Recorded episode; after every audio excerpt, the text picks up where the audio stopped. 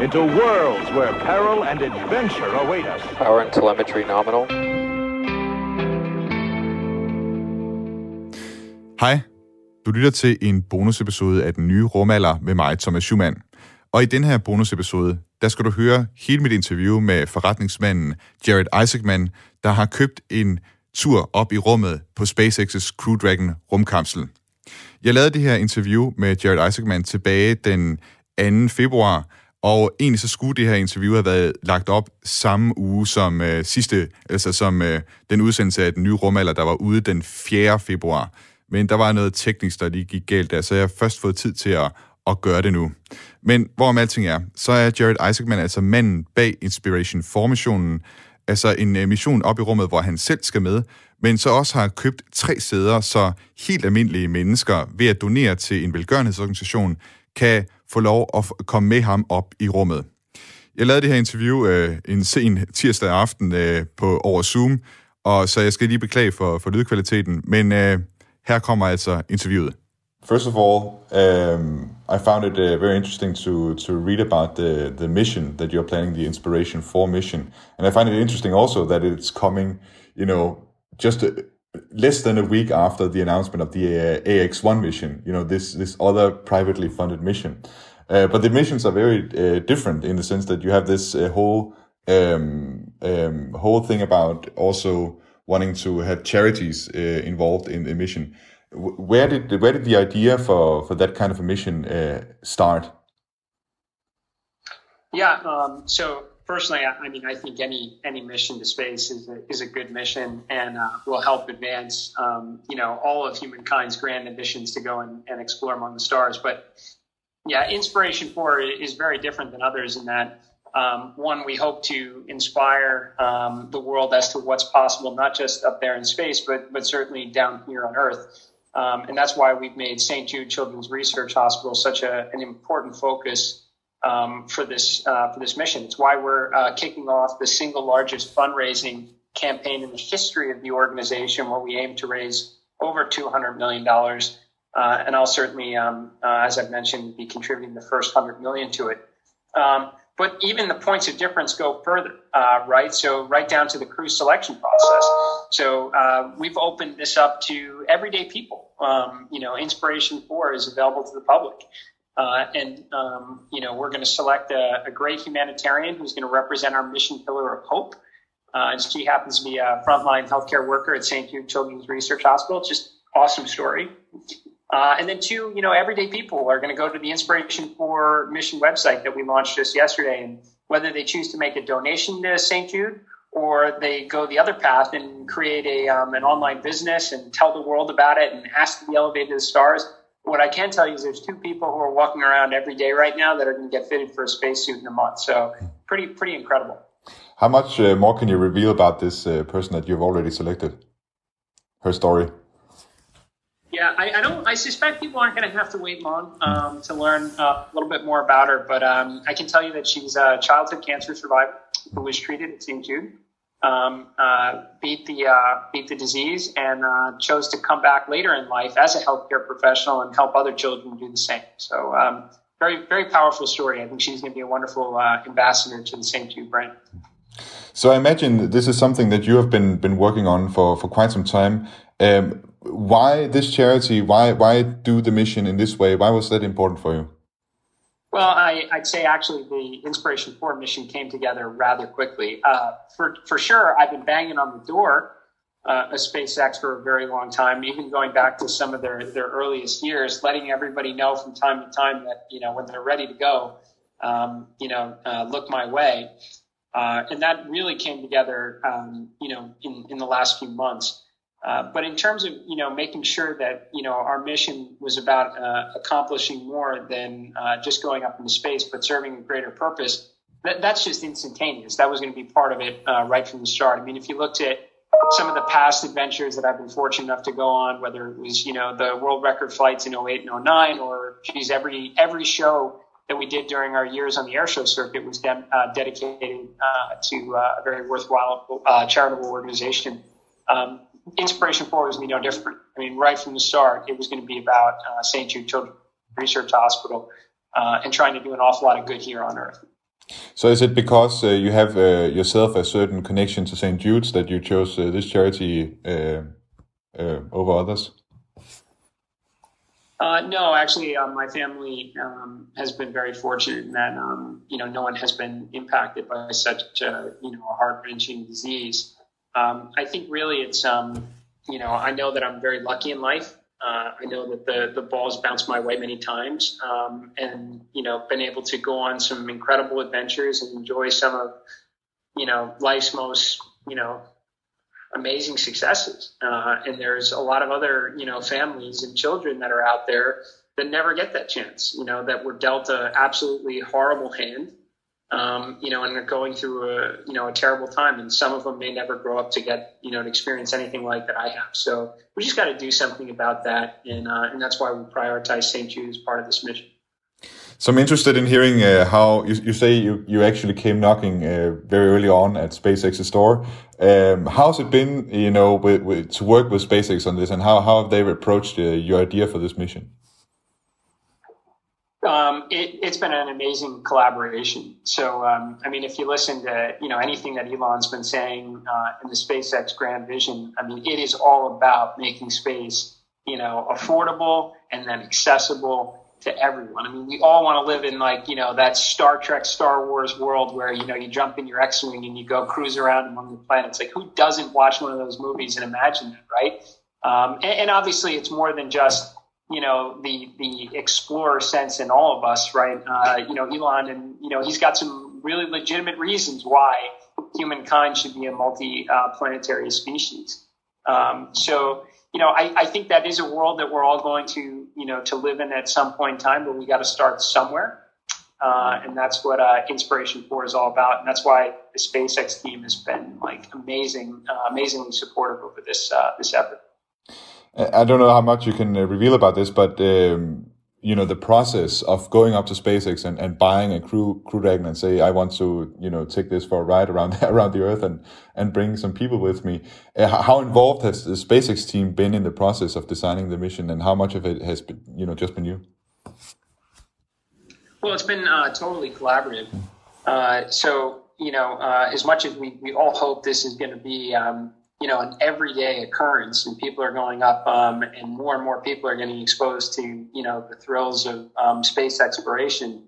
Um, it's um, since um, you know human spaceflight has returned to the United States after nearly a decade since the space shuttle has been retired. We've got two missions up, one mission down. Uh, so this is still early, right? And um, and that means like no one's making unilateral decisions. Like it's going to be a good collaborative effort to try and get this right because we need to get it right because if we don't, it's only going to set back the timeline of everyone else to follow, and, and that's a that's a pretty big responsibility for all of us as we approach Inspiration Four. You yourself, what what are you uh, most looking forward to uh, when you get up there? Or about about the whole mission? It may not be uh, about uh, you know actually being space. I don't know. Well, look, it, I think you got to take everything in, in phases, right? Um, you know, there's a lot that we need to uh, get done leading up to um, uh, to the launch. And right now, I'm on the phase of uh, let's figure out who the crew is, and uh, and let's also try and raise an awful lot of money for St. Jude along the way. So that's the next 30 days. So we'll get that done, and then we're just going to roll it right into um, training and, and, learning about this amazing technological marvel that the SpaceX team have done. Uh, you know, getting familiar with the systems, running all the simulations, and then yes, you know, we're gonna we're gonna get up there, and when we do, I mean, I think any pilot who has my kind of you know background um, with the type of aircraft I've flown would say that you know operating uh, a spacecraft in orbit is probably the pinnacle of an aviation career, and uh, so I'm certainly looking forward to to getting up there and taking Dragon for a spin. I've heard uh, the mission described as uh, sort of similar to the early Mercury missions that went sort of quite high uh, in their in their orbit. Can you describe um, the the duration of the mission and and how high the orbit would be? So it'll be a uh, the, the mission will be several days. Um, we will uh, release more specifics later on in, in terms of um, you know the altitude um, and uh, the target orbit, um, you know, and, and inclination. Um, but as was mentioned yesterday's press conference, it'll it'll probably uh, be on the 51.6 degrees as the uh, International Space Station. Uh, but we're still working through these things. In fact, just yesterday, you know, uh, Elon, um, you know, gave me a lot of carte blanche to, uh, you know, start all over again in the uh, path and maybe get even more creative. Um, I'm just kidding. I know that uh, I know that got all the uh, the SpaceX team both schooled up. But uh, yeah, we're going to release details soon, um, and yeah, I mean, it, it should be a really exciting mission. Have you any, you know, several days in in uh, this capsule? It's it's not the biggest uh, sort of uh, vehicle uh, to spend several days in. Have you planned any activities? Uh, so, like in terms of spacecraft, like Dragon is like a minivan, mm. and it's big, right? you know, you compare it to the Soyuz, and it's got a whole lot more square footage. Um, you know, I, I, think the idea is uh, we all better get uh, really comfortable uh, around each other here on, on Earth uh, before we get up there in space. So we're, we're going to spend some time uh, in some uncomfortable situations on the ground, like uh, being in a small tent on the side of a mountain when it's snowing out and such. Um, and yeah, eventually we'll get up there, and then we're, we're going to try and do some good. I mean, it's it's all along the lines of um, you know our mission objectives of making this um, you know as impactful as possible for for the problems we have here on Earth, as much as what we hope to accomplish up there. So uh, we've reached out to St. Jude, we've reached out to healthcare and educational institutions, and we basically said, hey, what can we take up payload or experiments wise that could be helpful? Because as you probably know, I mean, the wait list to get things in orbit is very long. It's very costly. Um, so I imagine we're going to pack the schedule with um, opportunities again to do some good while we're up there. This uh, now we have these uh, a little less than thirty days, I believe, uh, where you're going to uh, select the uh, the people um, who have donated. What is the selection criteria process? What are you looking for in these uh, people who have participated? Sure. So just to recap, as you know, the Dragon um, spacecraft holds four occupants. So I'll be leading it, and that, that means I'm taking one seat. And then we have our our um, our crew member who represents the spirit of hope, which is that uh, St. Jude frontline healthcare worker I mentioned previously, which leaves two seats um, that are available for our fundraising and selection process. Uh, one of which will be awarded through the St. Jude fundraising effort. That's that whole we're going to raise 200 million and more. Um, and the way you enter is you simply make a donation to St. Jude on our mission website. And then at the end of the month, um, through a random selection process, we will pick, um, you know, the, the third crew member who will represent the mission spirit of generosity to join us on this mission. Uh, and then the, the fourth crew member uh, will actually be an entrepreneur, somebody who creates a business on the Shift4Shop platform, makes a video, tells the world about it, uh, and then hopefully gets elevated to to the stars. Um, now there is, you know, some medical uh, screening, health and wellness background checks. There are some things that you know, uh, you know, a, a winner will have to um, have to go through to make sure they're qualified for the mission. But you know, since we are all about trying to make space accessible, um, this is a process of trying to make it work versus you know trying to you know exclude someone. Okay, I actually didn't realize that it's going to be completely random uh, the selection process. I thought you had sort of you would look through and and then perhaps on on a certain basis, but it is it is completely uh, completely random for that person. Well, on the St. Jude, uh, you know, the one that mm. represents the mission spirit of generosity, mm. that is totally written. Mm. The um, the uh, entrepreneur seat, which represents the spirit of prosperity, well, that one, I mean, there is a judging process um, with independent judges who are going to evaluate, um, you know, the business on a number of different um, categories. So, um, you know, there is some element of subjectivity in it, but the the only businesses that actually make it to the final round, if you will, of selection will have been um, essentially voted there by everyone on the internet who sees those videos. So it, that in itself adds a you know a you know I'd say a degree of randomness to the to the process. That sounds great. It's uh, there's a lot of participation in, in that uh, process. It sounds like I, I, would be remiss, you know, speaking to you from Denmark, uh, to ask you why is it that uh, you know uh, this is not a worldwide uh, thing you can participate in. I would certainly well, love I, to go. I think it's like a, super fair question, mm. and uh, and I wish it was. I wish it was truly a worldwide process because this is what we're trying to do. I mean, that's why we're having the Super Bowl commercial, you know, a few days from now, is to energize everyone uh, as to the the potential um, that exists in the world, both in space and, and here on Earth. Um, but unfortunately, given our timelines, um, you know, of beginning the crew selection process essentially yesterday and having to submit those names uh, to SpaceX for for um, you know training and uh, you know the uh, space uh, space flight uh, spacesuit construction, which takes five months to do, that kind of already gets you really close to the launch window. We don't have the time to go through the U.S. Um, ITAR regulatory process, um, and that's why it had to be uh, restricted to to U.S. citizens only. But you know, the good news is. Uh, SpaceX is building a lot of rockets. I can attest to that. I'm here at SpaceX's headquarters, and believe me, the, the assembly line isn't slowing down. So uh, this won't be the last mission um, I'm quite sure that um, everybody in the world at some point, um, you know, maybe a little bit in the future is going to get an, an, opportunity, and it probably will be driven by by SpaceX technology. There would be similar projects in the future that uh, you know go international.